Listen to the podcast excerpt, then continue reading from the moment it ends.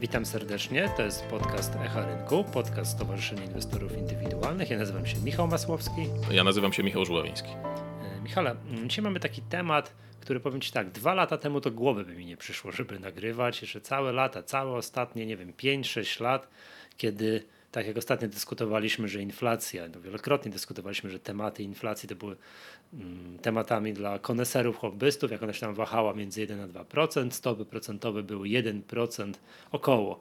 Przez lata, tak, przez 5, ponad 5 czy 6 lat niezmieniane, to nikt się tym kompletnie nie interesował, a taki temat, temat taki inwestowanie w obligacje, to co najwyżej mogliśmy się pośmiać, znaczy pośmiać, o to niektórym nie było do śmiechu, wspomnieć jak były obligacje korporacyjne Getbacku, wybuchły, nazwijmy to, no to wtedy w ogóle ludzie się dowiedzieli, co, co to są obligacje. Tymczasem nastały kompletnie inne czasy i będziemy dzisiaj rozmawiali o obligacjach, no właśnie jak je nazwać, oszczędnościowych, antyinflacyjnych, Skarbu Państwa. Dlaczego my w ogóle zajmujemy się tym tematem? Zajmujemy się tym tematem, bo e, tak jak powiedziałeś, e, temat dojrzał, mam wrażenie, i teraz się zajmują nim wszyscy, więc głupio byłoby, żebyśmy się my nim nie zajmowali.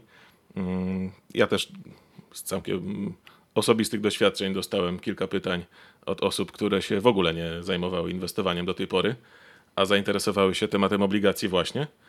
E, no widać to też po, po statystykach internetowych, po, po różnych tam mediach społecznościowych, że to jest temat, którym Polacy żyją. Więc poza tą warstwą tekstową, którą e, mamy w naszym serwisie, to też coś e, nagramy i poopowiadamy, bo jest o czym opowiadać, szczególnie obecnie, no bo za nami czerwiec, rekordowy pod względem sprzedaży tych obligacji. Obligacje, które funkcjonują pod różnymi nazwami właśnie, bo obligacje oszczędnościowe Skarbu Państwa, obligacje skarbowe, obligacje antyinflacyjne się czasami je teraz nazywa, ale generalnie są to wszystko te same papiery, czyli obligacje emitowane przez Ministerstwo Finansów, które mogą kupić y, oszczędzający Polacy, a które nie są przedmiotem obrotu giełdowego, tak jak te inne obligacje o których dziś akurat nie będziemy mówić. Dzisiaj mówimy o tych. No właśnie. Tych właśnie, co możemy tak, sobie. Tak, tak. Bezpośrednio od, od może... ministerstwa. Tak. To jest w ogóle kupić. jakaś w ogóle nowość. Od kiedy to można było, kojarzysz, yy, można było po raz pierwszy tą metodą nabyć obligacje? To przypomnij, to jest prosta sprawa. Obligacjeskarbowe.pl. Wchodzi się na stronę i trzeba przebrnąć przez odpowiednie formalności i kupić. Do tego jeszcze wrócimy. Pamiętasz tak mniej więcej, ile to czasu? To już, to już lata. Są. Tak, to jest, to jest historia długa. Po prostu teraz y, odżyła. Y, I to tak y, z wielkim, z wielkim impetem. No bo jest to instrument konkurencyjny dla lokat, które przez wiele również miesięcy i lat nie dawały sporo zarobić.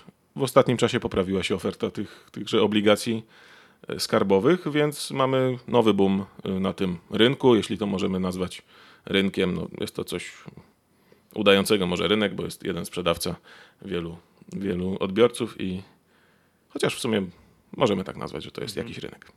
Jasne, bo to jest rzecz, której ja tak przynajmniej kojarzę przez lata, to, to było niemożliwe, że jak inwestor indywidualny mógł sobie nabyć obligacje Skarbu Państwa. Teraz, to, to, to, chociaż może tak było, ale teraz może tak już bezpośrednio i nie musi uczestniczyć w żadnych aukcjach, w niczym. Tak? No nie jest bankiem inwestycyjnym, tylko może dysponując kwotą 100 zł normalnie nabyć obligacje.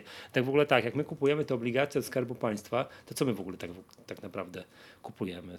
Co, co, co, co to jest ten w ogóle? Jakbyśmy mogli tak trochę od podstaw wyjaśnić sobie, o co chodzi w ogóle z tymi obligacjami kupując obligacje od Ministerstwa Finansów, pożyczamy pieniądze fiskusowi, państwu polskiemu, jak to nazwiemy. No, a, to państwo polskie nam obiecuje, że te pieniądze odda w odpowiednim czasie, z odpowiednim procentem.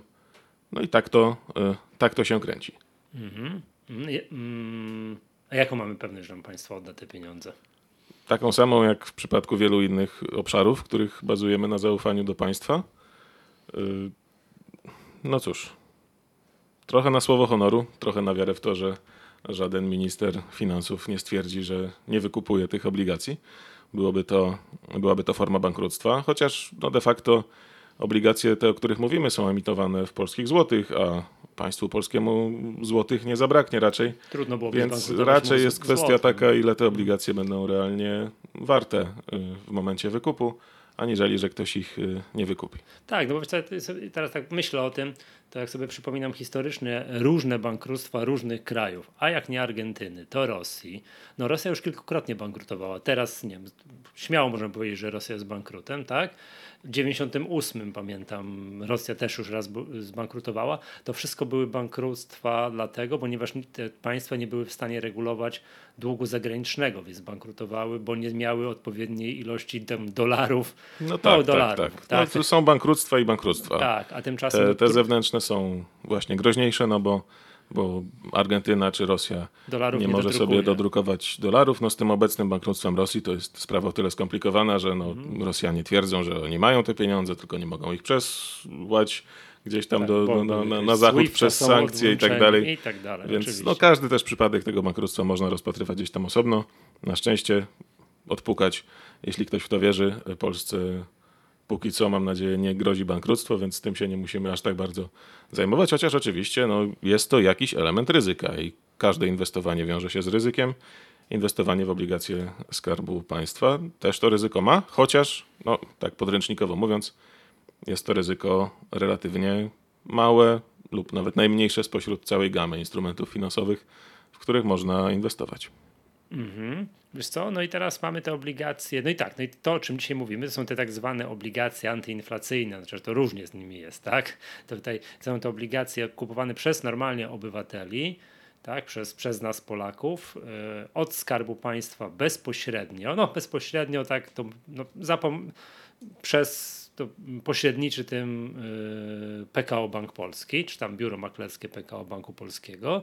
I teraz tak, jakbyśmy mogli powiedzieć, jeszcze raz chciałbym wrócić do tego, do tego fragmentu, czemu one są takie popularne, no bo tak, no całe lata ostatnie to było jakieś tam skromne oprocentowanie, tak, skromne typu, nie wiem, 1%, 2%, tak, gdzieś jakieś takie, no na nikim nie robiło to wrażenia.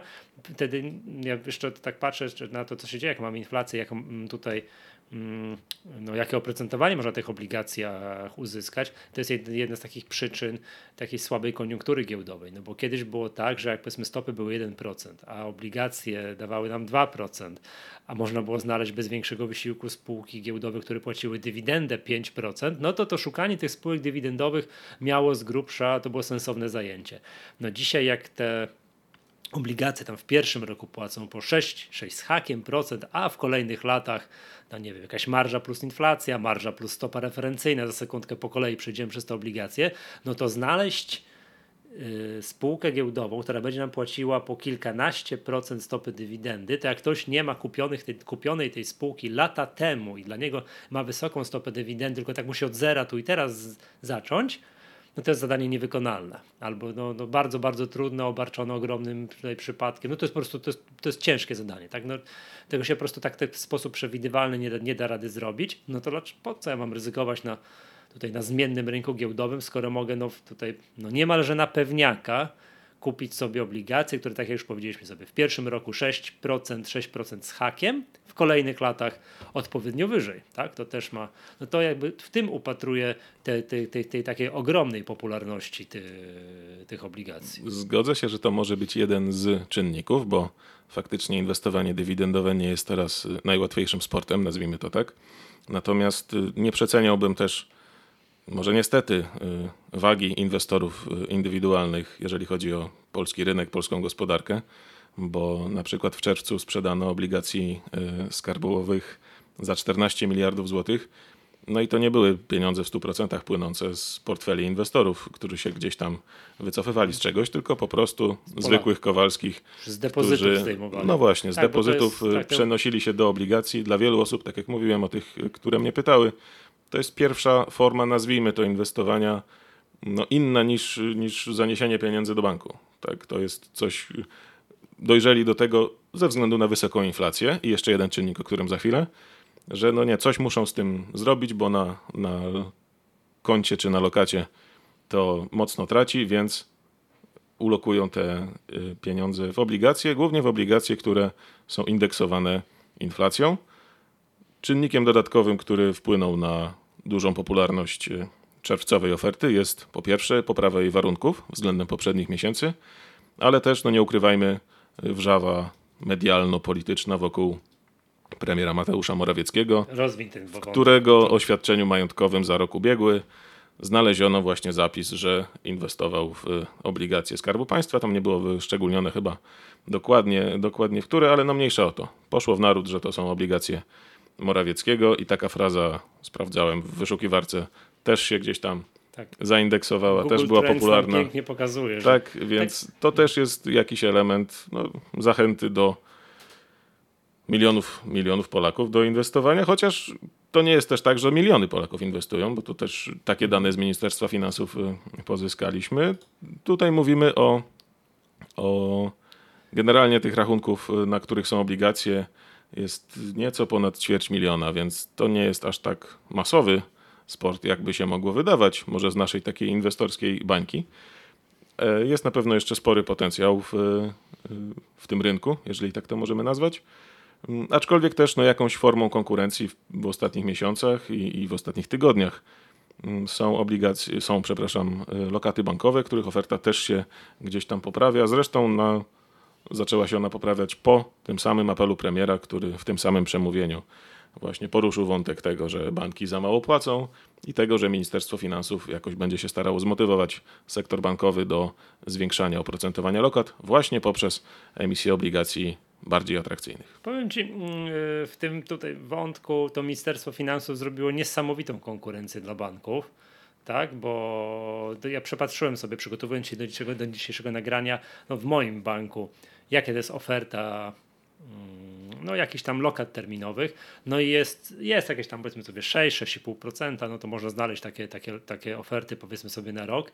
No tak, to jest wszystko super, i tylko to jest jakby stara praktyka, no niech banków, no, która mnie już irytuje, do szału doprowadza dla nowych środków, prawda? Nie, nie mogę tej pieniędzy, co mam na zwykłym, nie wiem, roże, jakimś koncie oszczędnościowym oprocentowanym teraz no, na skandaliczne typu 1 czy tam 1,5%, kliknąć, załóż lokatę na te atrakcyjne warunki, tylko muszę się łapać prawą ręką za lewe ramię i próbować udowodnić, że to są nowe środki, gdzieś przelewać, gdzieś, no, no strasznie to jest. Może musisz tak? właśnie założyć gdzieś indziej konto, gdzie będziesz tym nowym klientem hołubionym. Tak, to tak, tak jest, że niektóre instytucje tak. nie doceniają klientów, których mają, tylko wolą pozyskiwać tak. nowych. No. Tak, no oczywiście to możemy też, też wątek poruszyć. No, założenie tego konta w tym PKO BP, czy biurze maklerskim PKO BP pod ten zakup tych obligacji skarbowych też nie jest tak do końca trywialnym zadaniem, no ale przechodzi się przez to raz i już potem jest, potem jest umiarkowanie, umiarkowanie prosto, tak? Także to, to, to, to jest tak oczywiście.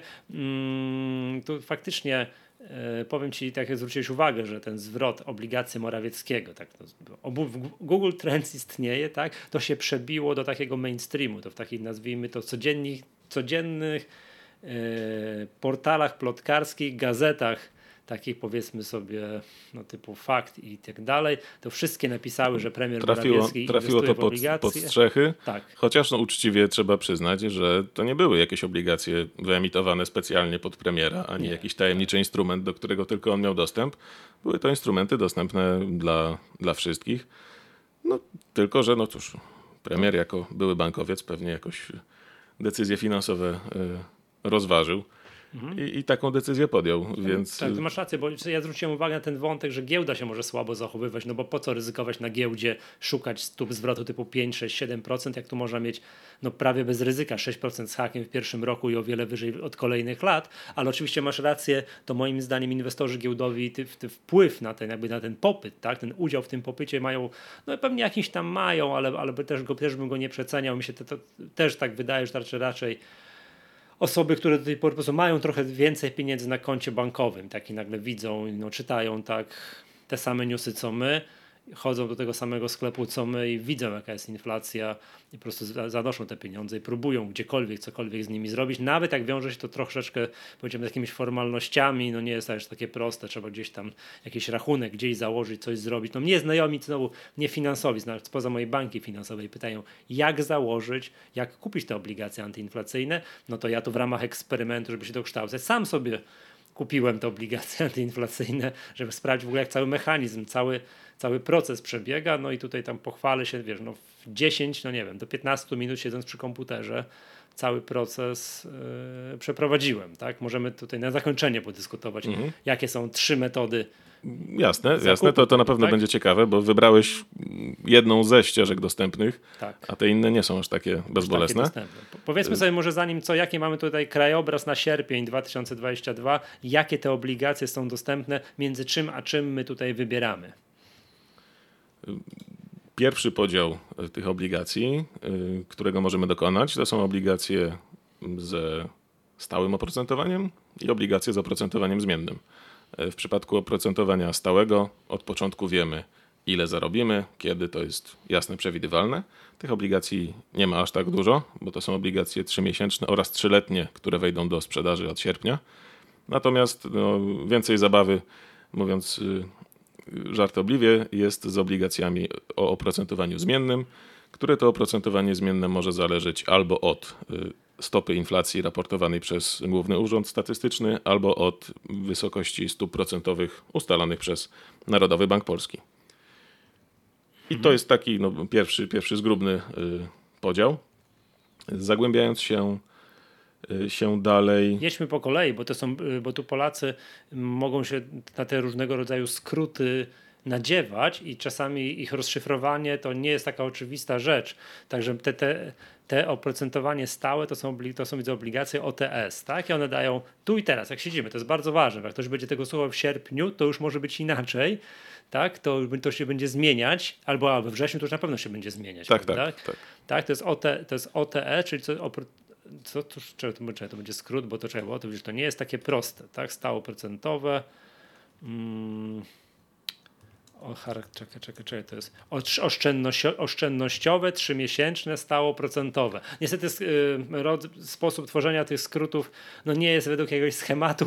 Za każdym razem trzeba sobie tutaj y, szukać, jak, jak się rozwijamy ten skrót. Oszczędnościowe, trzymiesięczne, stałoprocentowe, 3% w skali roku. No i tyle, tak? Stałe przez 3-miesięczny okres oszczędzania, 3% przy inflacji 15,5% nie robi na nikim wrażenia. Nie robi wrażenia. To jest y, obligacja, której oprocentowanie nie było podnoszone w y, ostatnim czasie, w przeciwieństwie do, do tych innych, chociaż no, nadal figuruje w zestawieniach sprzedaży, więc znajdują się nabywcy, którym to do, z jakichkolwiek powodów do, do ich strategii, może krótkoterminowej, gdzieś tam pasuje. Plus te obligacje też, jak wszystkie inne, oczywiście można zamieniać, czyli kiedy nam się obdana obligacja kończy, to nie musimy otrzymywać pieniędzy, tylko jeszcze raz kupujemy obligacje nowej emisji i wtedy mamy troszkę lepsze warunki, więc to tak też te obligacje trzymiesięczne, jak sądzę, bywają często rolowane. Mhm, dobrze, potem mamy RORy i DORy. To jest nowość, tak śmiesznie się to nazywa. ROR to nie jest od To, rachunku. to nie jest od rachunku, tak. Tak, tylko to jest roczna oszczędność. Czekaj, czekaj, bo to też nie jest takie oczywiste. Roczne i, i teraz i rozwinięcie skrótu to jest roczne oszczędnościowe referencyjne. To są takie dwa typy obligacji, które już, już są o zmienną stopę oparte, które mamy, to są to oparte o stopę referencyjną NBP. No i takie przykładowo, roczne oszczędnościowe obligacje, czyli te RORy, w pierwszym miesiącu, miesiącu 6,5%, w stosunku rocznym oczywiście, później stopa referencyjna NBP. I aktualnie ta stopa referencyjna wynosi 6%. 6,5. 6,5 już, albo już zostało podwyższone. Tak, jest. 6, 6, 6,5. No i dobra, i to jest na rok, tak? To są roczne takie obligacje. No tak, to jest y, obligacja na, na rok. Y, W tym wypadku oczywiście nie znamy wysokości stóp procentowych, które będą w najbliższym czasie. Oczywiście jakoś to można przewidywać. To nie będzie 200%, ani to nie będzie 0%, y, tylko jakieś w pewnym przedziale będą to wartości. Prezes Glapiński wraz z żoną Katarzyną, którą gorąco pozdrawiamy, na spacerze na molu No tak, powiedział. ak- akurat jesteśmy daleko od jakiegokolwiek molo, więc może nie mamy wglądów. To, tak. co się tam teraz obecnie dzieje, jakie, jakie prognozy są formułowane. Mm, A mówiąc poważniej, no tak, mamy obligacje roczne, mamy obligacje dwuletnie o bardzo podobnej konstrukcji. W przypadku dwuletnich tym bonusem jest jeszcze marża, y, niewielka wprawdzie, ale jest ćwierć procenta, która nam podnosi tę, ten stopę zwrotu z tych obligacji. Tak, to skrócik jest DOR i tym Tak. razem to jest dwuletnie oszczędnościowe referencyjne. I to jest tak jak powiedziałeś, to jest w skali 6,25% w skali roku, a potem stopa referencyjna plus ta, plus ta niewielka, niewielka marża. Co ważne, jednej i drugiej obligacje tam można kupić od 100 zł. Y, Wszystkie obligacje Wszystkie kosztują można 100 kupić od zł, więc tak, nie ma żadnej wejścia nie jest, y, bariery. Nie jest duży. Y, no tak, tak to zostało y, ustalone. To są obligacje detaliczne, więc chociaż 100 zł jest warte coraz mniej, niestety, no ale ta cena pozostaje i mam nadzieję, że jeszcze długo pozostanie, bo jeżeli taką naszą jednostką rozrachunkową zacznie być 1000 zł, a nie 100, to już będzie dużo, dużo gorzej z cenami, z inflacją i tak dalej. Póki co jeszcze banknot 100 złotowy jest jeszcze coś w portfelu znaczy. Tak? Jak, jak, setka się stanie dziesiątką nową, to będzie już. E, pochwalę się, Michał, niedobrze. tak w ramach tutaj, wiesz, przerywników i takich, wiesz, przypowieści dziwnych. Wczoraj sprzątając mieszkanie, znalazłem dwie, 200 zł, czy dwie stówy z waryńskim stałym, czyli tak po denominacji to jest jeden grosz i się nie sprawdziłem jeszcze, zastanawiałem się, czy to jest coś warte, czy muszę mojemu synowi, moim dzieciom powiedzieć, żeby to trzymali i tam za 50 lat dopiero wiesz, nabierze wartości numizmatycznej, tak? Czy można stówą z Waryńskim coś jeszcze zrobić. Tak. Jest coś, co można zrobić, ale jest to nielegalne. Niestety turyści padają często ofiarą A, okay. takich procederów, że nie, to, to ktoś, im, ktoś im wymieni. Tego nie tak, podpowiadajmy oczywiście, tak? Tak, tak. Ja myślałem o takiej już wartości historycznej. Niestety wiesz. tych banknotów za, za ustroju słusznie minionego naprodukowano tyle, że jeszcze się bardzo długo Jeszcze bar bardzo się. długo one pewnie będą gdzieś tam dostępne, chociaż ten papier też nie jest najwyższej jakości, więc może jakby go jakoś tam konserwować, to Tak, nie, to te 200 zł, to coś 200 jeszcze, są tak sprane, tak zniszczone, Jeszcze że... będzie znaczyło, ale to myślę, że to już za horyzontem. Mm, czasu trwania twojego życia, jakakolwiek wartość tak, z tego czyli będzie. Muszę więc dzieciom powiedzieć, żeby raczej to tak. A może i, nawet jeszcze, jeszcze i, dalszym i, pokoleniom. Tak, dokładnie. Tam i, I wnuki odpowiednio poinstruowały, że co mają, co mają zrobić z tymi banknotami. Dobrze, inne obligacje, tutaj jak tak patrzę, tu mamy mm, obligacje, które się TOS nazywają. Trzyletnie oszczędnościowe stałoprocentowe. 6,5% w skali roku. Nowy rodzaj obligacji w lipcu nie był sprzedawany. Tak, to są obligacje wprowadzone przez Ministerstwo Finansów od sierpnia 2022. E, wcześniej były w tym miejscu obligacje również trzyletnie, ale oparte o WIBOR 6M. E, w mhm. tych dalszych okresach to też była obligacja o, o zmiennym oprocentowaniu, no bo nie wiemy, jaki ten WIBOR będzie. Ba, nie wiemy, czy WIBOR będzie i co z nim będzie co zamiast będzie wiboru, więc... A to wątek polityczny teraz jest. Tak, Coś ten tak, wibor nam tak. rośnie za szybko i to jest powód, że kredytobiorcy się strasznie krzyczą. Ciekawe, czy tak samo będą krzyczeli, jak WIBOR zacznie spadać. No, mam pewne podejrzenia, co tutaj tak. się będzie działo, mhm. ale to może na inny, na inny wątek. Więc były obligacje y, oprocentowane tymże właśnie WIBORem. Ministerstwo Finansów uznało, że chce sobie zmienić ofertę, no bo to jest y, w jego gestii i ta oferta się może zmieniać z miesiąca na miesiąc i mogą wpadać i wypadać typy obligacji. Co mamy, mamy tego przykład w ostatnim powiedzmy trzech miesiącach, e, ale co do zasady ta oferta raczej jest taka e, stabilna i, i, i aż tak bardzo się nie zmienia. Natomiast e, no, zamiast tego mamy teraz obligacje trzyletnie, oprocentowane stałą stopą, więc przystępując do inwestycji wiemy, ile na niej zarobimy. No i to jest taki, takie uzupełnienie tego portfolio, tej oferty Ministerstwa Finansów, no bo tak jak mówiłem, inne obligacje mają to oprocentowanie zmienne, więc no niektórym może y, nabywcom ciężko jest się jakoś tam odnaleźć w nich, bo, bo nie wiedzą ile dostaną, a przecież na przykład jeśli mówimy o lokatach, tak, no to lokata jest, jeżeli nie mówimy o jakichś tam produktach lokaty strukturyzowanej, tylko o takiej najbardziej klasycznej lokacie, no to, no to wiemy, tak, ile mhm. zarobimy mm, lokując tam środki, więc myślę, że to jest taka właśnie jakaś konkurencja. Ten, ten trzyletni okres to też jest myślę taki, gdzie no cóż, y, prognozy, które formułuje czy to Narodowy Bank Polski, czy, czy inne ośrodki, zazwyczaj wykraczają tak na dwa lata do przodu, więc ten trzyletni okres to jest taki już, y, że wtedy będzie być może normalnie, tak? No bo gdzieś staramy się Nikt nie y, przyjmuje do wiadomości, że to tak, co teraz. Tak, że to, może to trwać może aż tak długo. Nowa normalność. Tak, tak, tak, że wtedy może to będzie już, mhm. tak, wszystko, wszystko już ucichnie. Tak jak prezes Glapiński mówił, stopy będą już obniżone i tak dalej, więc to 6,5% w skali roku to może będzie dla kogoś wtedy coś ciekawego, no ale ciężko wyrokować, tak? No bo, bo żyjemy w bardzo zmiennych czasach. Wiesz co? Dobra, to teraz były takie te obligacje, no wiesz, 6%, 6% z hakiem. No cały czas przypomnijmy, inflacja 15,5. Tak sobie zawsze fajniej mieć 6-6% z hakiem niż no 0% albo jakiś tam 1% na jakimś zwykłym rachunku oszczędnościowym. Tak, więc zawsze coś. Tak? Zawsze, zawsze coś. Mm, no i to, to, jest, to jest też cały czas poziom mniej więcej tych lokat terminowych, które banki polskie po apelu premiera, no chciałbym powiedzieć, że po apelu, raczej po takim lekkim szantażu premiera, chociaż to też dziwny był ten taki, nazwijmy, apel premiera, który narzekał, że banki mają niskie stopy, czy ten te stopy lokat po, w sytuacji, kiedy Skarb Państwa kontroluje przynajmniej trzy banki, tak? No to jest... No tak, myślę, że tutaj te względy polityczne też miały mhm. y, jakąś rolę do spełnienia.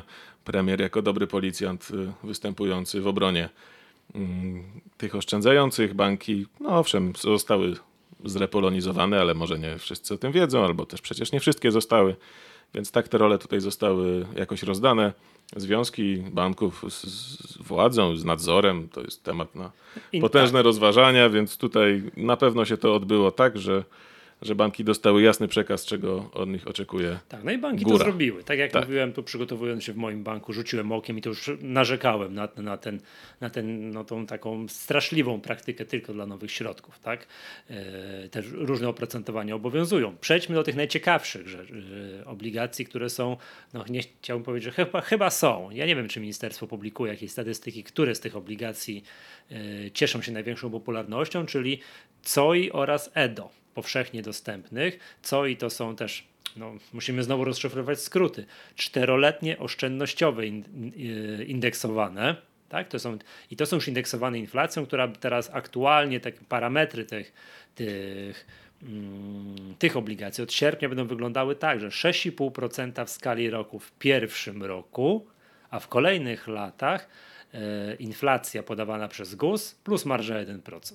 No, no to to już jest super, tak? O ile ten pierwszy rok musimy zacisnąć zęby i przeboleć. Teraz w lipcu jest 6%, od sierpnia będzie 6,5%, no to już niewielka różnica, ale no, nagrywamy to 26 sierpnia, przepraszam, lipca i tak sobie dyskutowaliśmy, że ktoś chciałby kupić te obligacje, to może warto wstrzymać się te 5 dni 1 sierpnia, kupić je na nowych warunkach, tak? To były taka, była taka dyskusja. I, no i też musi zgadywać, jaka będzie ta obligacja za rok, czy tam za 11 miesięcy. No, tak. Tak. tak, znaczy inflacja, inflacja jaka będzie, bo wówczas zostanie wyznaczona tam stopa procentowa dla kolejnego rocznego okresu. Czy to mamy COI oraz EDO, czyli emerytalne dziesięcioletnie oszczędnościowe. To jest od tego skrót tym razem.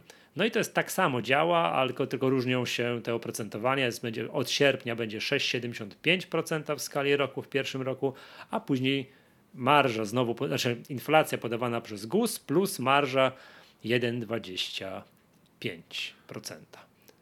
Tam to procenciki pojedyncze są, mam, mam wrażenie, te, te, te punkty są procentowe są mało istotne. Ważne, że w tych kolejnych latach już będziemy no, nie uwzględniając podatku belki, tego podatku od oszczędności, tutaj tak, od inwestycji kapitałowych, będziemy chronieni przed inflacją. No i dzisiaj to jest już nie, nie byle co, no bo jak ktoś kupił te obligacje rok temu i dzisiaj już jest, ma indeksowane to inflacją, te, te, te, te obligacje to ma 16%, 16,5%, tak może być.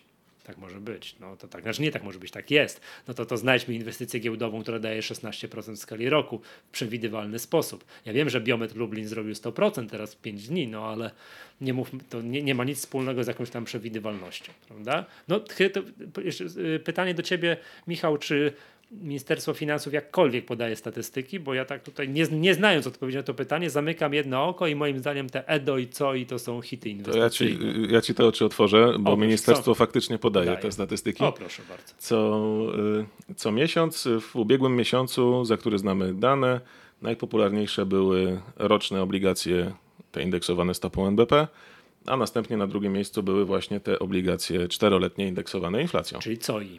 COI. A tak. czy na pierwszym miejscu były y, RORy? Tak. Aha, okej. Okay. Więc tak to wyglądało. No to był też miesiąc wyjątkowy, bo te obligacje indeksowane stopą procentową wchodziły dopiero do oferty, więc tak naprawdę zobaczymy, jak to się gdzieś tam rozłoży y, dalej. Y, tak jak nakreśliłeś te, te obligacje czteroletnie i dziesięcioletnie, które właśnie były nazywane przed tymi zmianami w ofercie tymi głównymi antyinflacyjnymi obligacjami, które, jako się rzekło, przed inflacją w 100% nie chronią, ale pozwala, pozwalają chociaż trochę zmienić, y, zmniejszyć skalę strat, więc to jest jakaś ich zaleta. No i to, że można wskoczyć na tę wyższą faktycznie stopę, stopę zwrotu, wyższe oprocentowanie, jeżeli przecierpimy ten pierwszy rok. Ten pierwszy rok obecnie y, na poziomach 6% ustalanych przez ministerstwo, to i tak jest dobrze ponieważ jeszcze nie tak dawno, y, na początku roku, to były tam rzędu Jeden z hakiem. jeden, tak, jeden z Tak, hakiem, czy więc y, cierpieć ten jeden rok, jeden z hakiem. to było dużo większe cierpienie i Tak, to też może jest dobry, dobry moment, żeby powiedzieć, że Ministerstwo Finansów ma dowolność w ustalaniu tej oferty i to było widać na początku cyklu podwyżek stóp procentowych, czyli od października ubiegłego roku, kiedy to nie było wcale tak, że to oprocentowanie obligacji rosło krok w krok za stopami procentowymi. Zdarzały się miesiące przestoju, zdarzały się dostosowania oferty trochę niższe aniżeli wzrost stóp procentowych, więc no to nie jest automatyzm, to nie jest żaden taki mechanizm, to jest jakaś tam, mm, jest to w gestii Ministerstwa Finansów. Obecnie tak się stało, że no też na fali tego, że inflacja dużo bardziej wzrosła, że jest to temat także politycznie numer jeden, zostało to y, poprawione. Mm, Wracając do obligacji tych COI i EDO, y, to trzeba powiedzieć o jeszcze jednej kluczowej różnicy, a w zasadzie o dwóch kluczowych różnicach. Mm, Pierwszą różnicą y, między nimi, oczywiście abstrahuję od tego, że jedne są czteroletnie, drugie są dziesięcioletnie, bo to samo przez się się rozumie.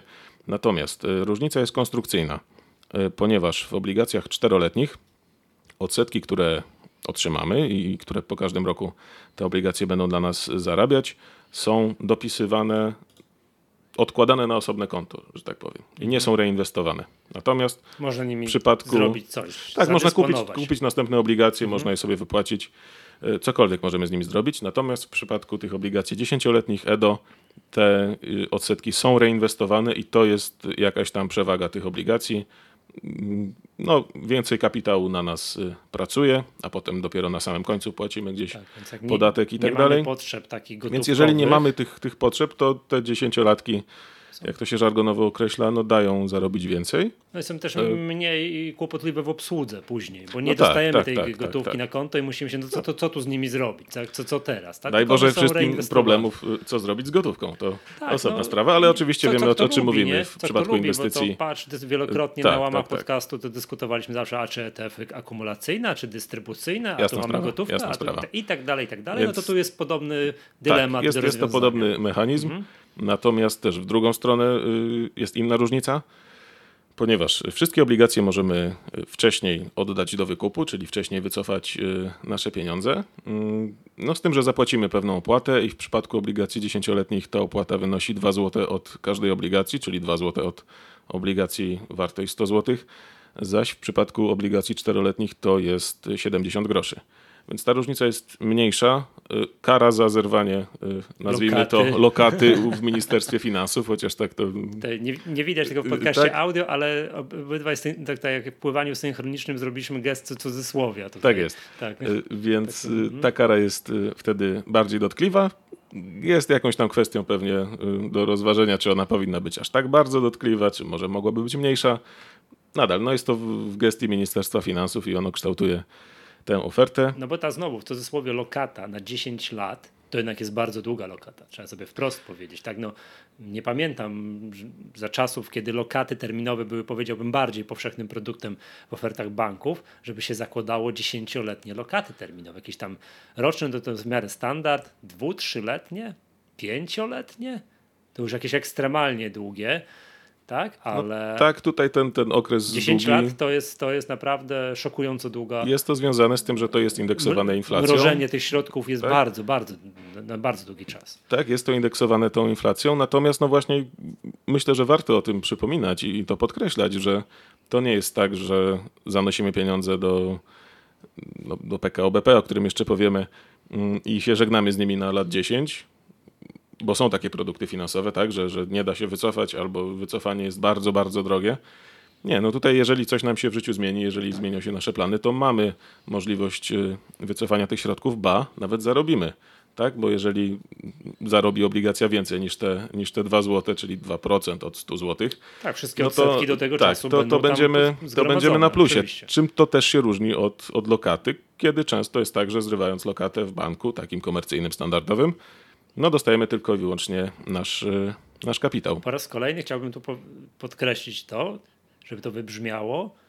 Konkurencja do, dla banków, dla lokat termi- terminowych jest ogromna. Jest to mniej wygodne niż kliknięcie w systemie transakcyjnym, wiesz, z apki mobilnej a taką lokatę sobie założę, tu jest troszkę zachodu, ale jak ktoś już raz w głowie przewalczy, przebrnie przez, przez e, te wszystkie formalności, o których już na, na koniec powiemy, no to jest o wiele atrakcyjniejsze niż no, klasyczna lokata terminowa, której tak jak powiedziałeś, masz na rok, ale po 10 miesiącach musisz, musisz, 10 miesiącach musisz zerwać tę lokatę, no bo nie wiem, bo potrzeba życiowa cię do tego zmusiła, no to niestety. To, to w zdecydowanej, nie wiem, chyba we wszystkich przypadkach, które ja kojarzę, jest to, no, wiąże się to no, z, z, utratą jakiegokolwiek oprocentowania.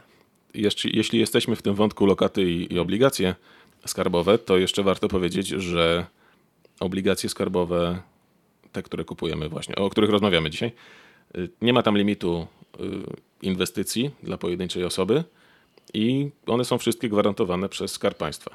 Podczas gdy w przypadku lokat tak, mamy y, bankowy fundusz gwarancyjny, gwarancja do równowartości 100 tysięcy euro, więc jeżeli ktoś dysponuje większymi kwotami, Miliardem. no, no może, milionami ale milionami nawet, to, to no, dla niego też to może być jakiś problem, tak? Zakładanie lokat w 10 bankach albo w kilku przynajmniej, y, obsługa tego. Wiadomo, no, możliwe, że nie zajmuje się swoimi pieniędzmi osobiście, ale jak zwał, tak zwał. Tutaj jest y, gwarancja Skarbu Państwa, no, czyli tego, który gdzieś tam w dalszej kolejności stoi za, za czy systemem bankowym, czy BFG, no bo gdzieś tam jest to dorozumienie też z, z lat poprzednich, niekoniecznie może z Polski, że że państwa niechętnie dają upadać bankom, szczególnie dużym, szczególnie jeżeli są ich właścicielami, tak? Tak. Natomiast no Prywat, no tutaj prywatnym, jest... jak pokazuje historia tak, ostatnich tak, lat, tak. co mniejszym. Prędzej. Tak, to, to ewentualnie... Tak, ale to też się nie wiąże z jakimiś tam tym, że, że środki klientów wyparowują, bo te banki się obecnie zwija tak trochę, y, trochę, trochę inaczej, ale abstrahując od tego, no właśnie, jest tutaj gwarancja Skarbu Państwa i nie ma limitu środków, co jest jakimś tam ważnym aspektem, jeżeli to porównujemy z lokatami. Jeszcze zanim powiemy tutaj, jak sobie kupić te obligacje, co to, jakie formalności trzeba przebrnąć, bo to jest dosyć istotne, powiedzmy jeszcze o dwóch typach obligacji, czyli ROSach i RODach, kolejny skrót do rozszyfrowania. To jest rodzinne, te pierwsze, ROS, rodzinne, oszczędnościowe, sześcioletnie, a drugi RODY, rodzinne, oszczędnościowe, dwunastoletnie i to są już obligacje no, są bardzo podobne w konstrukcji do tych wcześniejszych COI i EDO, mają, dają jeszcze lepsze parametry, na przykład te RODY 12-letnie dają 7%, od sierpnia będą dawały 7% w pierwszym roku, a w kolejnych inflacja gusowska plus marża 1,75%, czyli fantastyczne warunki, można tak, tak powiedzieć. Tak, a te rosy dają 6,7% w skali pierwszego roku, a potem inflacja gusowska plus marża 1,5%. Minimalnie gorzej, ale też krótszy, krótszy termin. I wszystko jest dobrze, ale to są już y, obligacje dedykowane tym osobom, które pobierają y, no, środki w ramach programu 500. Czy jak ktoś ma, nie wiem, przykładowo jedno dziecko, rocznie z 500, jak łatwo liczyć, pobierze 6 tysięcy złotych, to ma taki limit to może sobie w te obligacje zainwestować 6 tysięcy złotych rocznie. No, okej, okay, taka, to może bardziej niszowa, no bo choćby ze względu na ograniczenia kwotowe, no ale też no, warunki są fantastyczne, trzeba powiedzieć. To jest bardzo ważne, trzeba to powiedzieć, że to jest jakoś sprawdzane. Przyznam się, że nie wiem jak, ale na pewno jest sprawdzane.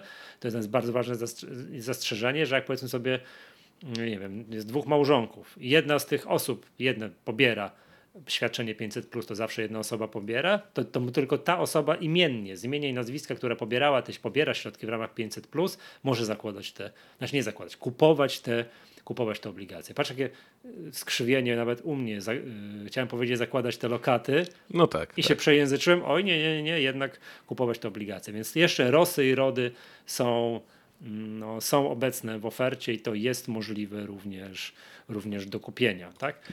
Tutaj co ważne w przypadku tych obligacji, które, mm, tak jak powiedziałeś, one są podobne konstrukcją do tych obligacji dziesięcioletnich, tam też jest e, inwestowanie tych naszych odsetek dalej. Jest jeszcze kwestia następująca, mianowicie ten limit, e, który przypada na mm, każdego uczestnika programu 500, czy tam rodzinę, jeśli to tak e, nazwiemy, mm, to w przypadku, w którym kupiliśmy obligacje, potem je oddamy do wykupu wcześniejszego, tak, jakby wycofamy środki, to ten limit nam już przepada. Nie możemy z powrotem zainwestować w, w kwocie roku. równej, generalnie w ogóle. Jakby mamy y, nasz limit wynosi tyle, ile, ile pobraliśmy z 500 plus programu Więc no to jest zachęta do tego, żeby te środki tam inwestować w te obligacje, nie wycofywać. Jasne. Bo No, wtedy te, nie sens. załapiemy się na te lepsze warunki. Oczywiście możemy kupić potem te dziesięcioletnie, jak, jak, każdy, jak każdy inny. Natomiast tutaj jest to to, no też jakiś tam oczywiście bodziec do tego, żeby tych pieniędzy nie przeznaczać na, na konsumpcję, tylko na, na inwestycje. No tak, mamy tu sześcioletnie, tu dwunastoletnie, 6 plus 12, 18. To może też z takim jakimś tutaj było rozmysłem planowane, żeby to gdzieś tam dziecku wręczyć, czy może nie wiem, coś mu Znaczy, kupić. Bodziec antyinflacyjny tym razem. Tak mówi się często o bodźcach inflacyjnych, teraz sobie powiedzmy tutaj, nie wiem, o hamulcach antyinflacyjnych jest bardzo silny, bo to jest po co się podwyższa stopy procentowe. Po pierwsze, żeby kredyty były no, trudniej dostępne, czyli te przedsiębiorstwa mniej dostaną kredytów, mniej zainwestują, ludzie mniej dostaną kredytów, mniej wydadzą, to jest, będzie nam hamować inflację. I drugi, drugi element wyższych stóp, pojawią się wyższe lokaty terminowe, wyż, więcej produktów wyżej oprocentowanych, takie jak te obligacje, o których dzisiaj mówimy. To też, ja tutaj wiesz, w ramach przygotowań do podcastu kupiłem sobie pierwszych pięć jakichś tam obligacji, tak, żeby sprawdzić, jak cały mechanizm działa, żeby móc powiedzieć, czy to jest trudne, łatwe i tak dalej. No to już jak to śmialiśmy się w kuchni przy kawie, Tak jest. no nie wydam tych pieniędzy na sushi w okolicznym barze czy na inne przyjemności, tak? Nie, nie, nie wspomogę tym inflacji, tylko właśnie odłożyłem je na, na kilka lat, na, kupił, kupując jakieś obligacje. Tak, no chociaż oczywiście jest to, jak każde inwestowanie, odroczeniem tejże konsumpcji, bo kiedyś te pieniądze otrzymasz, Tak, ale może będą inne będzie- czasy, może będzie inna inflacja. Może będziemy w czasach deflacyjnych i wtedy, wtedy rząd będzie mnie gonił, oferując mi oprocentowanie 0%, weź idź, Na wydaj te. No- pieniądze na przyjemności w lokalnym Tak, to jest w ten, to, to w lokalnej restauracji. takie nakreśliłeś połączenie między wielkimi mechanizmami sterującymi polityką gospodarczą państwa, a twoim podniebieniem, czy zjesz sushi, czy nie i teraz Tak, jak nie to wpływa na inflację? No dzisiaj No nie zjem, no bo przecież bym wspomógł inflację, nie mogę sobie na to pozwolić, prawda? tak, e, wiesz co, tak jak już mówiłem, w ogóle zbierzmy kilka informacji, o których tutaj już wspominaliśmy, tak, no przypomnijmy że cały czas, inflacja 15,5%, no te e, obligacje, tak jak tutaj y, dyskutowaliśmy na początku, bardzo często są nazywane obligacjami antyinflacyjnymi, E, odczarujmy, czy one faktycznie chronią przed inflacją. No niestety nie, jak przywołałeś te, te parametry, no nie da się ukryć, że to nie jest tak, że kupujemy te obligacje i zapominamy o wszystkim i na pewno, na pewno wyjdziemy na, na plus. Y, Poza tym, że samo oprocentowanie się różni, to jest jeszcze kwestia podatku, który y, na końcu naszej inwestycji musimy zapłacić, aczkolwiek on zostanie za nas zapłacony, bo to nie jest tak, że jakikolwiek PIT tutaj musimy wypełniać. To jest tak jak z lokatą, ponownie.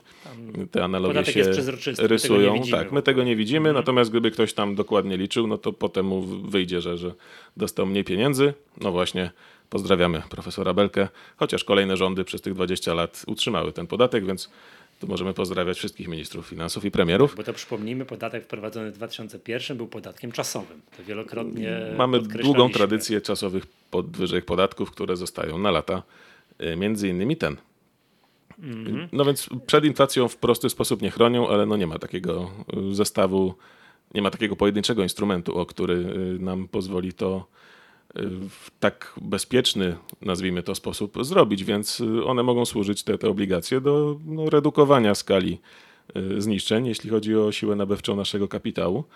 A też no, nie ma co ukrywać, że, że otoczenie inwestycyjne, tak patrząc szerzej, y, giełdowo, nieruchomościowo i przez różne klasy aktywów, no jest obecnie dosyć wymagające i to, to powtarzają też inwestorzy z, z wieloletnim stażem, więc opcja siedzenia na gotówce, która owszem, traci, ale dzięki tym obligacjom może stracić trochę mniej, wcale nie jest aż taka bardzo zła dla, dla wielu osób, szczególnie dla tych, którzy no, nie, nie lubią, nie chcą inwestować w jakichś takich bardzo, bardzo niepewnych czasach. Oczywiście zachęcamy do y, inwestowania długoterminowego w ramach y, przemyślanej strategii i kiedy takie jednorazowe czy, czy nawet trwające kilkanaście miesięcy okresy nie powinny robić wrażenia mm, na kimś, no ale wiemy jak to, jak to jest z, z psychologią y, inwestowania, więc te obligacje dają możliwość po prostu się gdzieś tam jakiegoś schowania przed przynajmniej częścią strat. No jeżeli mówimy o ludziach, którzy wycofali pieniądze z y, rachunków y, ROR czy,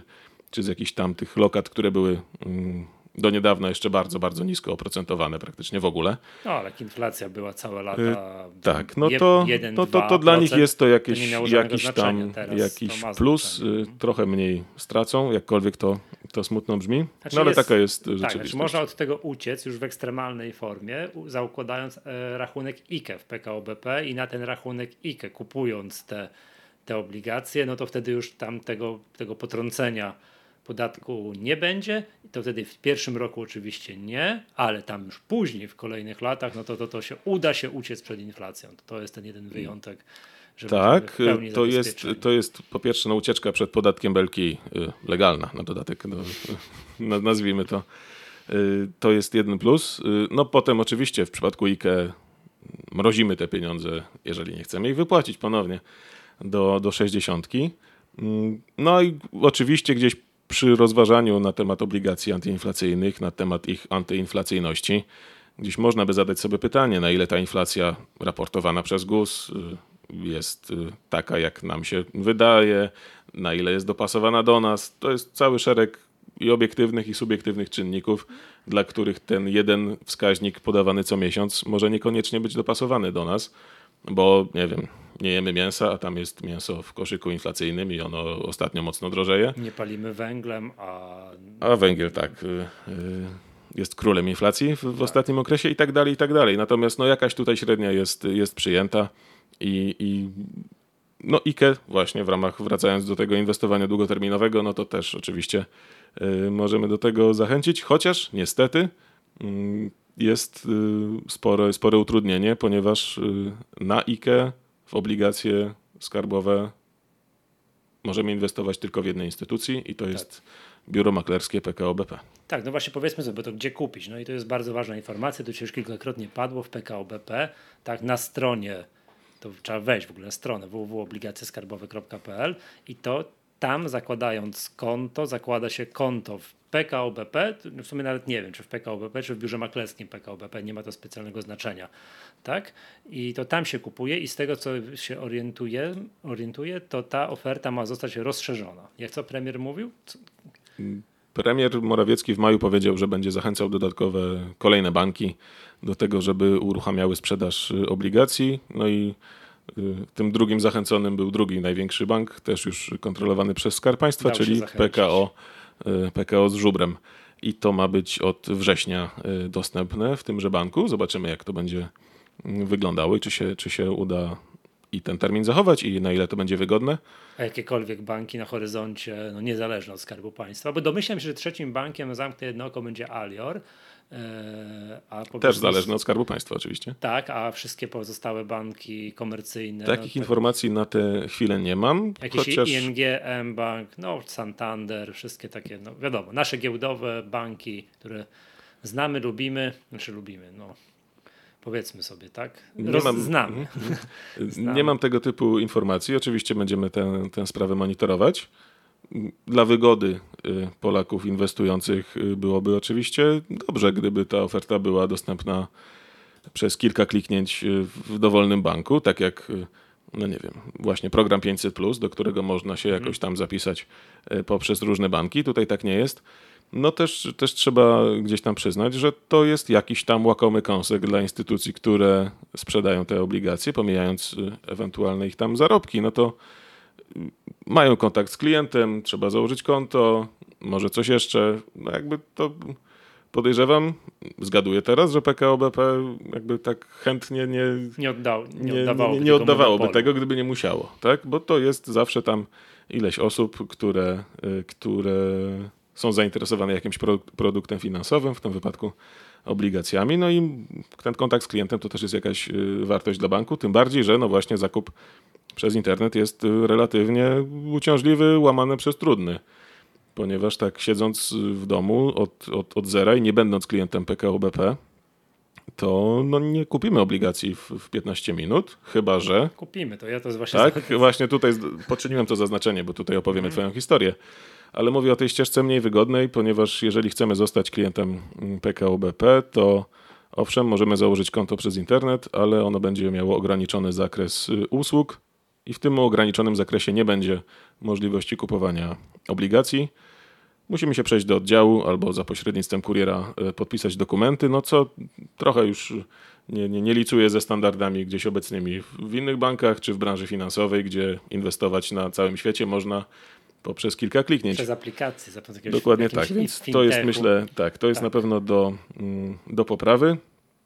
No ale właśnie, jest jeszcze jedna opcja mhm. i możliwość kupowania. Zanim powiem potem jeszcze mhm. jednej opcji, to odniosę się, mi się wydaje, tak jak miałbym patrzeć na to, jak, jak gdzie rynek pójdzie, to raczej ta oferta będzie rozszerzana i że tak powiem tym monopolem PKO BP rząd się nie będzie przejmował, że ach, to fajnie by było, że to co powiedziałeś, PKO BP niechętnie by oddawał ten kawałek tortu, bo już tak jak powiedziałeś, jest kontakt z klientem, może ten klient zobaczy, że to fajnie działa, może ja tu w ogóle będę miał rachunek w tym PKO BP, przyniosę finanse i tak dalej, i tak dalej. No bo jak zacząłem te statystyki, które opublikowałeś na stronie, że w czerwcu 14 miliardów złotych państwo pozyskało tą metodą, sprzedając te obligacje tak po prostu, prawda? Nie, nie żadnych tak. aukcji, nie To było 113 tak? tysięcy nabywców. Tak, 113 tysięcy nabywców, tak, a nie wiem, choćby wcześniej w kwietniu 2020 roku, czyli dwa lata temu tak, tak 5 miliardów, a teraz nagle w jeden miesiąc 14 miliardów są ogromne pieniądze przecież, prawda? Zobaczymy, to jak jest... to się będzie dalej kształtowało, ponieważ ten czerwiec był yy, rekordowy. rekordowy, ponieważ była nowa oferta, lepsza tak. oferta, tak. wsparcie medialne, no i tak. też jakby ten... Obligacje Kiedy ludzie już raz, raz tak, kupili te pieniądze, no to drugi raz może już nie mają tyle pieniędzy, żeby kupić, dlatego zobaczymy, jakie będą dane sprzedażowe za lipiec i poznamy mniej więcej w połowie przyszłego miesiąca. Tak, ale, to, ale tak, ale zachęcam. Ja to może pod, podlinkuję gdzieś w opisie podcastu do tego artykułu, gdzie jest taki piękny wykres. Miesięczna sprzedaż obligacji oszczędnościowych i to taki wykres, powiedziałbym, no umiarkowanie płaski, i nagle pstryk w czerwcu po prostu wystrzał niesamowity, prawda? Y, to, to, to, to jest no, szokujące. Sam ten wykres obrazuje, dlaczego się tym zajęliśmy. Tak. Niecodzienne zjawisko na tak. rynku. No gdzie byśmy dwa lata temu mówili o jakichś obligacjach? Przecież to nudne, ale trzeba się z jakimiś akcjami zająć, prawda? No i teraz jeszcze tak tutaj już y, wracając do tych metod otwarcia tego rachunku. Tutaj jest, no jest ich kilka, tak? I te pierwszy i drugi generalnie polegają na tym, że trzeba mieć rachunek w PKO BP. Albo już posiadać rachunek w PKO BP, albo potwierdzać przelewem z PKO BP. No to nie, to, no jak ktoś ma to dobrze, a jak ktoś nie ma, no to tak jak powiedziałeś, wycieczka do banku, tak? Wycieczka do banku jest to trudne, no ale tak y, od jakiegoś czasu, jak ktoś posiada dowód osobisty, ten nowy, z tak zwaną warstwą elektroniczną, gdzie ma zaszyty tak zwany podpis osobisty. Uwaga, nie jest to ten sam podpis, to podpis kwalifikowany. To takim tutaj taki wiesz, szczegół technologiczny, że na tym dowodzie osobistym, oprócz tego, że masz ten tak zwany podpis osobisty, to jest miejsce, taki slocik, gdzie możesz sobie dograć Y, podpisem kwalifikowany, ten taki, no, tak zwany zgodny z ustawą podpisie elektronicznym, ale jeżeli posiadasz taki dowód osobisty, posiadasz smartfon, na który możesz sobie wgrać apli aplikację e-dowód osobisty, tam e-do-app, skrót brzmi jak, to e-do brzmi jak, jak skrót od pewnych obligacji, o których przed sekundką mówiliśmy, jest aplikacja e-do, czyli e-dowód osobisty, tam y, zrobiona przez polską wytwórnię papierów wartościowych, to wówczas możesz, zakładając taki rachunek, autoryzować się za pomocą tej aplikacji, tego dowodu osobistego, że ty to ty i możesz cały proces przeprowadzić. No, ja to dzisiaj robiłem, ćwiczyłem, no zamknę jedno oko. 15 minut łącznie z pójściem po kawę do kuchni. Otworzyłem w pełni funkcjonalny rachunek. Na próbę kliknąłem sobie pierwszych kilka obligacji, zleciłem przelew z innego banku. Jutro będę patrzył, jak to się dalej zachowuje. Więc powiedziałem tak, osoby, no nie chciałbym tutaj sobie dodać ani muszą, ale powiem, młode i elektronicznie tak tutaj ogarnięte, które jakby wszystko mają, nowy dowód osobisty, smartfona z możliwością mm, tutaj z NFC, bo to są wszystkie te smartfony, które można płacić zbliżeniowo. One mają zaszyty ten, ten, e, ten, ten kontroler do, do, do, tego właśnie do wszystkich płatności zbliżeniowych i między innymi do tego, że można było zbliżyć dowód osobisty do tego, do tego, do tego smartfona i uwierzytelnić się, że, ty, że ja jestem w posiadaniu tego dowodu osobistego, mogą cały proces no tak jak mówiłem, do, do 15 minut łącznie z robieniem kawy z domu, sprzed komputera, wszystko od początku załatwić. Ja wiem, że to się zmieniało w czasie i że do niedawna było jeszcze tak, że można było ePUAP-em się uwierzytelniać innymi no, innymi metodami. Na dzień dzisiejszy to jest albo już posiada się dostęp do IPKO, albo chce się zarejestrować za pomocą przelewu, autoryzować, nazwijmy to za pomocą przelewu, ale ten przelew musi być wykonany z PKO BP, to to niewiele zmienia. No i trzecia metoda jest no taka powiedziałem, najbardziej nowoczesna, najfajniejsza, ale to jest super, bo to jest tak, mamy dowód osobisty, który nam jest dostarczany przez państwo, rozwiązanie państwowe bardzo dobrze, aplikację dostarczaną przez podmiot państwowy, no Polska Wytwórnia Papierów y, Wartościowych przez państwo, wszystko działa. Wszystko działa, wszystko jest no, darmowe, no oprócz tego smartfona oczywiście, tak? No ale to, to, to, to, jakby jest już, no, no, no musimy coś mieć, jakieś urządzenie, które nam pozwoli odczytać dane z tego, z tego smartfona i to wszystko działa i to, i to jest wszystko bardzo dobrze rozwiązane. Z mojego punktu widzenia ten, ta trzecia metoda, uff, jest działa. Jakby miał pójść, to jest moim zdaniem jeden z przyczyn, czemu, to, czemu tylko sto kilkanaście tysięcy osób kupiło te obligacje w czerwcu, a nie milion sto trzynaście tysięcy. Gdyby to było prościej dostępne, to, by były, to byśmy liczyli tych Polaków w milionach. W, tak? pełni, się, w pełni się z tym zgodzę. Taka bariera, no, to... nazwijmy to technologiczno-administracyjna jest, tak, jest y, dosyć y, duża postawiona. To, co powiedziałeś, że to zajęło 15 minut, to nazwijmy to jest y, dobry wynik, jeśli chodzi o o tego typu y, sytuacje. Przepraszam, czyli to spokojnie klikając i czytając no, po kolei checkboxy, które zaznaczałem, miałeś, bo ja lubię y, takie rzeczy czytać. An ankietę tak? MIFID miałeś jeszcze. A tak, ankietę tak. MIFID musiałem oczywiście. No to mało przyjazny fragment, ale no jakoś mi się udało. Przeczytać. To też mnie jakoś dziwi tak. przy, w przypadku takiego instrumentu, gdzie kogoś tam wypytywać o to, no ale o MIFIDzie też możemy kiedy indziej y, porozmawiać i czemu on służy. No to, co napisałeś, jest jedną skrajnością, nazwijmy to. Drugą skrajnością jest właśnie ta wycieczka do do oddziału PKO BP, oddziału biura maklerskiego albo jednego z, e, nie każdego, oddziałów e, banku e, PKO BP.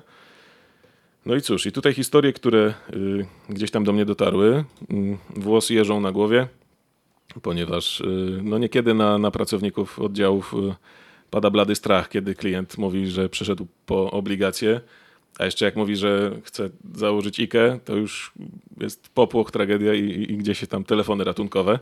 E, oczywiście również pozdrawiamy e, całą ekipę PKO BP, ale wiemy, że jest też trochę do zrobienia, jeżeli chodzi o obsługę e, klienta. No bo właśnie też tym bardziej przychodzą ludzie różni. Tak jak no, są też dane ministerstwo udostępnia, że to są często osoby, nazwijmy to w wieku 50 plus, czyli niekoniecznie może najbardziej obeznane, czy to z technologią, czy, czy nawet z finansami, no nie ukrywajmy, dorastały w innych realiach często te osoby. Więc tutaj ta, ta opieka nad, nad klientem, nad inwestorem, bo tak to też możemy już nazwać, tak? Inwestuje ktoś w te obligacje, no wymaga na pewno jakichś tam szczególnych y, y, standardów y, i, i to jest coś, co no właśnie, gdyby można było to ominąć i gdyby to było w każdej aplikacji bankowej, to zapewne więcej osób by się na to zdecydowało, no bo co jak co, ale do bankowości internetowej mm, przez ostatnią dekadę Polacy się przyzwyczaili tak. i myślę już nie ma od tego odwrotu. No to tak, wiesz, skoro można, to już rozmawialiśmy, złożyć wniosek o 500 plus, nie wiem, z, z wnętrza bankowości elektronicznej jakiegoś y, banku niepaństwowego, innego i to wszystko działa. Potwierdzamy to mm, jakimiś podpisami. No to w myśl zasady, że skoro jakiś bank nas raz zweryfikował, to można, autoryzując się właśnie aplikacjami bankowymi, żeby to wszystko, zadziałało no to chyba tu też tak by można było. Tak? To na pewno by wspomogło popularność i to wrócę do poprzedniego wątku. Premier Morawiecki nie będzie się przejmował monopolem PKO BP i zostanie ten mechanizm, tak jak tak to wróżę tutaj z naszej szklanej kuli, ten mechanizm no, sprzedaży, tam tutaj mówiąc sieć sprzedaży tych, tych, tych obligacji moim zdaniem zostanie rozszerzony również na inne banki, ale oczywiście w pierwszej kolejności we wrześniu PKO SA, czyli to PKO z żubrem, w dalszej kolejności zamykam jedno oko Alior, a dopiero gdzieś tam później, daleko, daleko dalej pozostałe, pozostałe banki. W zależności oczywiście od potrzeb, potrzeb Skarbu Państwa. Tak? Dobrze, takie pytanie na koniec bym zostawił sobie tutaj. Czy warto kupić takie obligacje? Na to pytanie padnie odpowiedź, której nikt nie lubi.